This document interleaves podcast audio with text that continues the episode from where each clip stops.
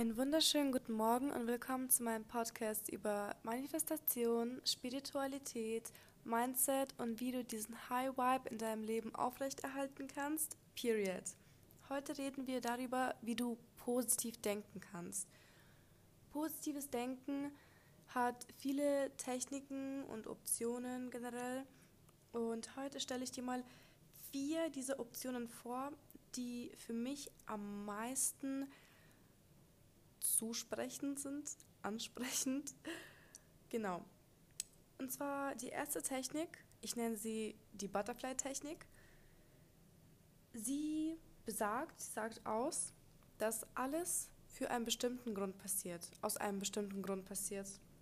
Das Universum will immer das Beste für dich und wenn etwas passiert, dann passiert es, weil es dir passieren muss.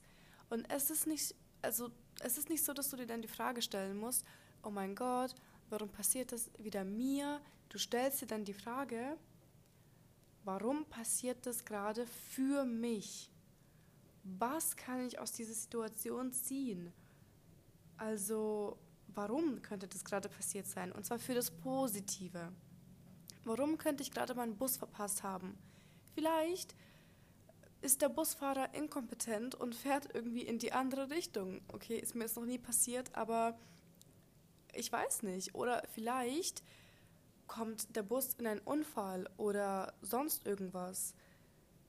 Also es hat schon einen Grund, warum du dann sozusagen deinen Bus verpasst hast. Und denk dann einfach an den Butterfly-Effekt.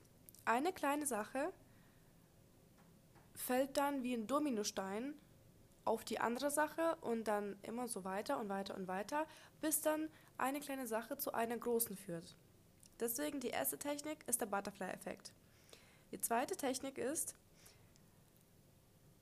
deine positiven Gedanken, die du gerne, deine positive Realität, die du gerne haben möchtest, als Gedanken zu formen und in deinem Kopf ständig zu wiederholen. Wenn du zum Beispiel willst, dass du ein neues Auto kaufen kannst, dann sag, ich habe ein neues Auto. Und wiederhole es ständig in deinem Kopf. So wie Affirmationen, affirmationsmäßig. Wer nicht weiß, was Affirmationen sind, das sind einfach wiederholte Anweisungen, so Statements, die du an dein Unterbewusstsein schickst, indem du es einfach wiederholst. Also ja, diese Statements einfach wiederholst. Und Genau. Und die dritte Methode ist Dankbarkeit zu zeigen. Und zwar, wenn wir in unserem negativen äh, Gedankenkreislauf sind, der einfach nicht endet und plötzlich ist alles schlecht, dann ist wirklich die beste Technik, die ich auch sehr oft mache, wenn ich zum Beispiel wütend bin oder gerade in meiner depressiven Phase bin und einfach nur auf dem Bett liege und eigentlich gar nicht aufstehen will, dann ist das Beste, was ich machen kann, einfach in meinem Kopf drei Dinge aufzuzählen, für die ich dankbar bin. Oder wenn ich kurz vorm Ausrasten bin, wirklich, kurz drei Dinge in meinem Kopf aufzählen, für die ich dankbar bin.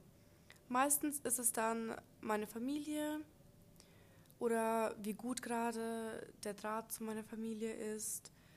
Dann zum Beispiel, ich bin dankbar dafür, dass ich heute früh echt viel Zeit für meinen Kaffee hatte und nicht im Stress war. Und ich bin dankbar dafür, dass ich gerade finanziell echt gut abgesichert bin.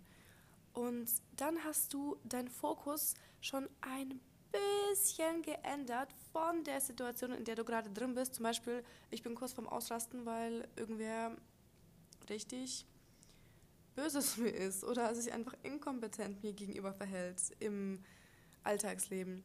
Und dann sage ich mir kurz drei Sachen auf, für die ich dankbar bin. Und ich bin instant in einem anderen Fokus, in einer anderen Realität, in der, in der ich dankbar bin, in der, in der ich glücklich bin. Ich meine, was, was äh, bringt es mir, mich über diesen Alltagsmenschen aufzuregen, der vielleicht gerade nicht die beste Handlung mir gegenüber gebracht hat, wenn ich so viele tolle Sachen in meinem Leben habe, für die ich dankbar bin. Und wer super motiviert ist, also im Kopf aufsagen, aufsagen ist die Go-To-Variante für Leute, die nicht so viel Zeit haben oder im Alltag. Ich meine, wenn du gerade mit jemandem dich unterhältst, kannst du ja nicht kurz einen Blog rausholen und Stift und sagen, warte mal kurz, ich schreibe mir mal kurz ein paar Sachen auf, für die ich dankbar bin und dann können wir weiterreden. Also genau, also wer Zeit hat und sehr motiviert ist, kann zu Hause sich einen Blog rausholen und die Sachen aufschreiben. Das hat natürlich einen größeren Effekt. Und die vierte Methode sind Affirmationen und Mindfulness. Mindfulness heißt übersetzt Achtsamkeit. Affirmationen sind sowas ähnliches, wie ich vorhin schon erwähnt habe, dass du deine Gedanken von deiner gewünschten Realität einfach immer und immer wieder wiederholen sollst, wie ich habe ein Auto. Aber mit Affirmationen meine ich ein Level tiefer. Und zwar nicht genau die Affirmationen wiederholen von der gewünschten Realität, die du haben willst, wie ich habe ein Auto, sondern auch solche einfachen Basic-Affirmationen wie ich bin glücklich. Jede Zelle meines Körpers vibriert in Harmonie und Glücklichkeit. Ich ziehe nur positive Situationen und positive Menschen in mein Leben. Solche Affirmationen meine ich dann, die du dir einfach morgens vorm Spiegel aufsagen kannst zum Beispiel. Oder auch abends vorm Schlafengehen. Aber ich persönlich finde es morgens, auch unter der Dusche mache ich mir dann parallel statt halt Musik, mache ich mir dann meistens Affirmationen an, die dann sagen, ich bin glücklich. Und ich wiederhole dann, ich bin glücklich unter der Dusche. Und das startet wirklich mein Tag mit einem positiven Mindset, muss ich sagen. Und Achtsamkeit kriegst du durch Meditation oder durch Shadowwork. Shadowwork ist, wenn du deine Gedanken, deine negativen Gedanken genau beobachtest und dich fragst, warum kommt gerade der negative Gedanke auf. Wenn du dir zum Beispiel gerade denkst, oh mein Gott, was hat die denn da an? Das ist ein negativer Gedanke und dann stellst du dir die Frage, warum denke ich so? Warum denke ich so negativ? Warum stört es mich überhaupt, dass sie sich gerade irgendwie zum Beispiel aufreizend angezogen hat? Und dann bildest du eine Gedankenkette und fragst mindestens fünfmal, warum? Also, warum stört es mich, dass sie sich negativ angezogen, äh, dass sie sich freizügig angezogen hat? Ja, weil man sich draußen nicht so anziehen kann. Warum? Ja, weil das die Gesellschaft nicht akzeptiert. Warum? Ja, weil, keine Ahnung, vielleicht gefällt es einfach nur mir persönlich nicht, dass sie sich so freizügig anzieht. Warum? Weil ich mich vielleicht selbst nicht traue, mich so freizügig anzuziehen. Warum? Weil ich vielleicht nicht zufrieden bin mit meinem Körper. Und da hast du das Problem, da bist du an der Wurzel vom Problem und versuchst dann so gut wie möglich die Wurzel zu ziehen.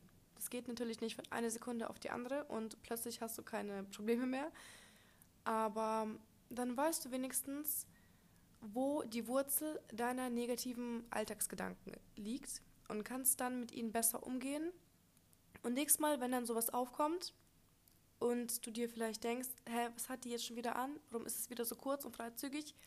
Dann weißt du schon, aha, das ist gerade nur meine eigene negative Wurzel, die in mir drin sitzt. Das ist gerade einfach nur mein eigenes Problem mit mir selbst, was ich auf andere projiziere. Und genau, wenn du diese Techniken, Tipps, Tricks in deinem Alltag anwendest, wirst du sehen, dass sich deine Realität wirklich, wirklich schnell ins Positive verändert. Also, ja, ich kann es nur empfehlen. Aber wichtig ist halt nur, dass du es wirklich machst. Also, es bringt nichts, diesen Podcast anzuhören, obwohl ich sehr, sehr dankbar bin dafür. Also, danke fürs Einschalten heute, danke fürs Zuhören. Ja, aber ich hoffe auch wirklich für dich, dass du wenigstens eine dieser Taktiken, Tricks für dich ausprobierst. Wenigstens die mit der Dankbarkeit. Das ist wirklich die einfachste und die, die ich am öftersten mache. Deswegen, ja, frohes Ausprobieren und danke, dass du heute dabei warst. Ich hoffe, ich konnte dich ein bisschen inspirieren, wie schon gesagt. Und wenn du willst, kannst du mir auf Insta folgen. Ich heiße at Lina Ivasiva, L-I-N-A, I-V-A-S-I-V-A, ohne Punkt, ohne Komma, ohne Strich, at Lina Ivasiva. Und dann hören wir uns nächstes Mal.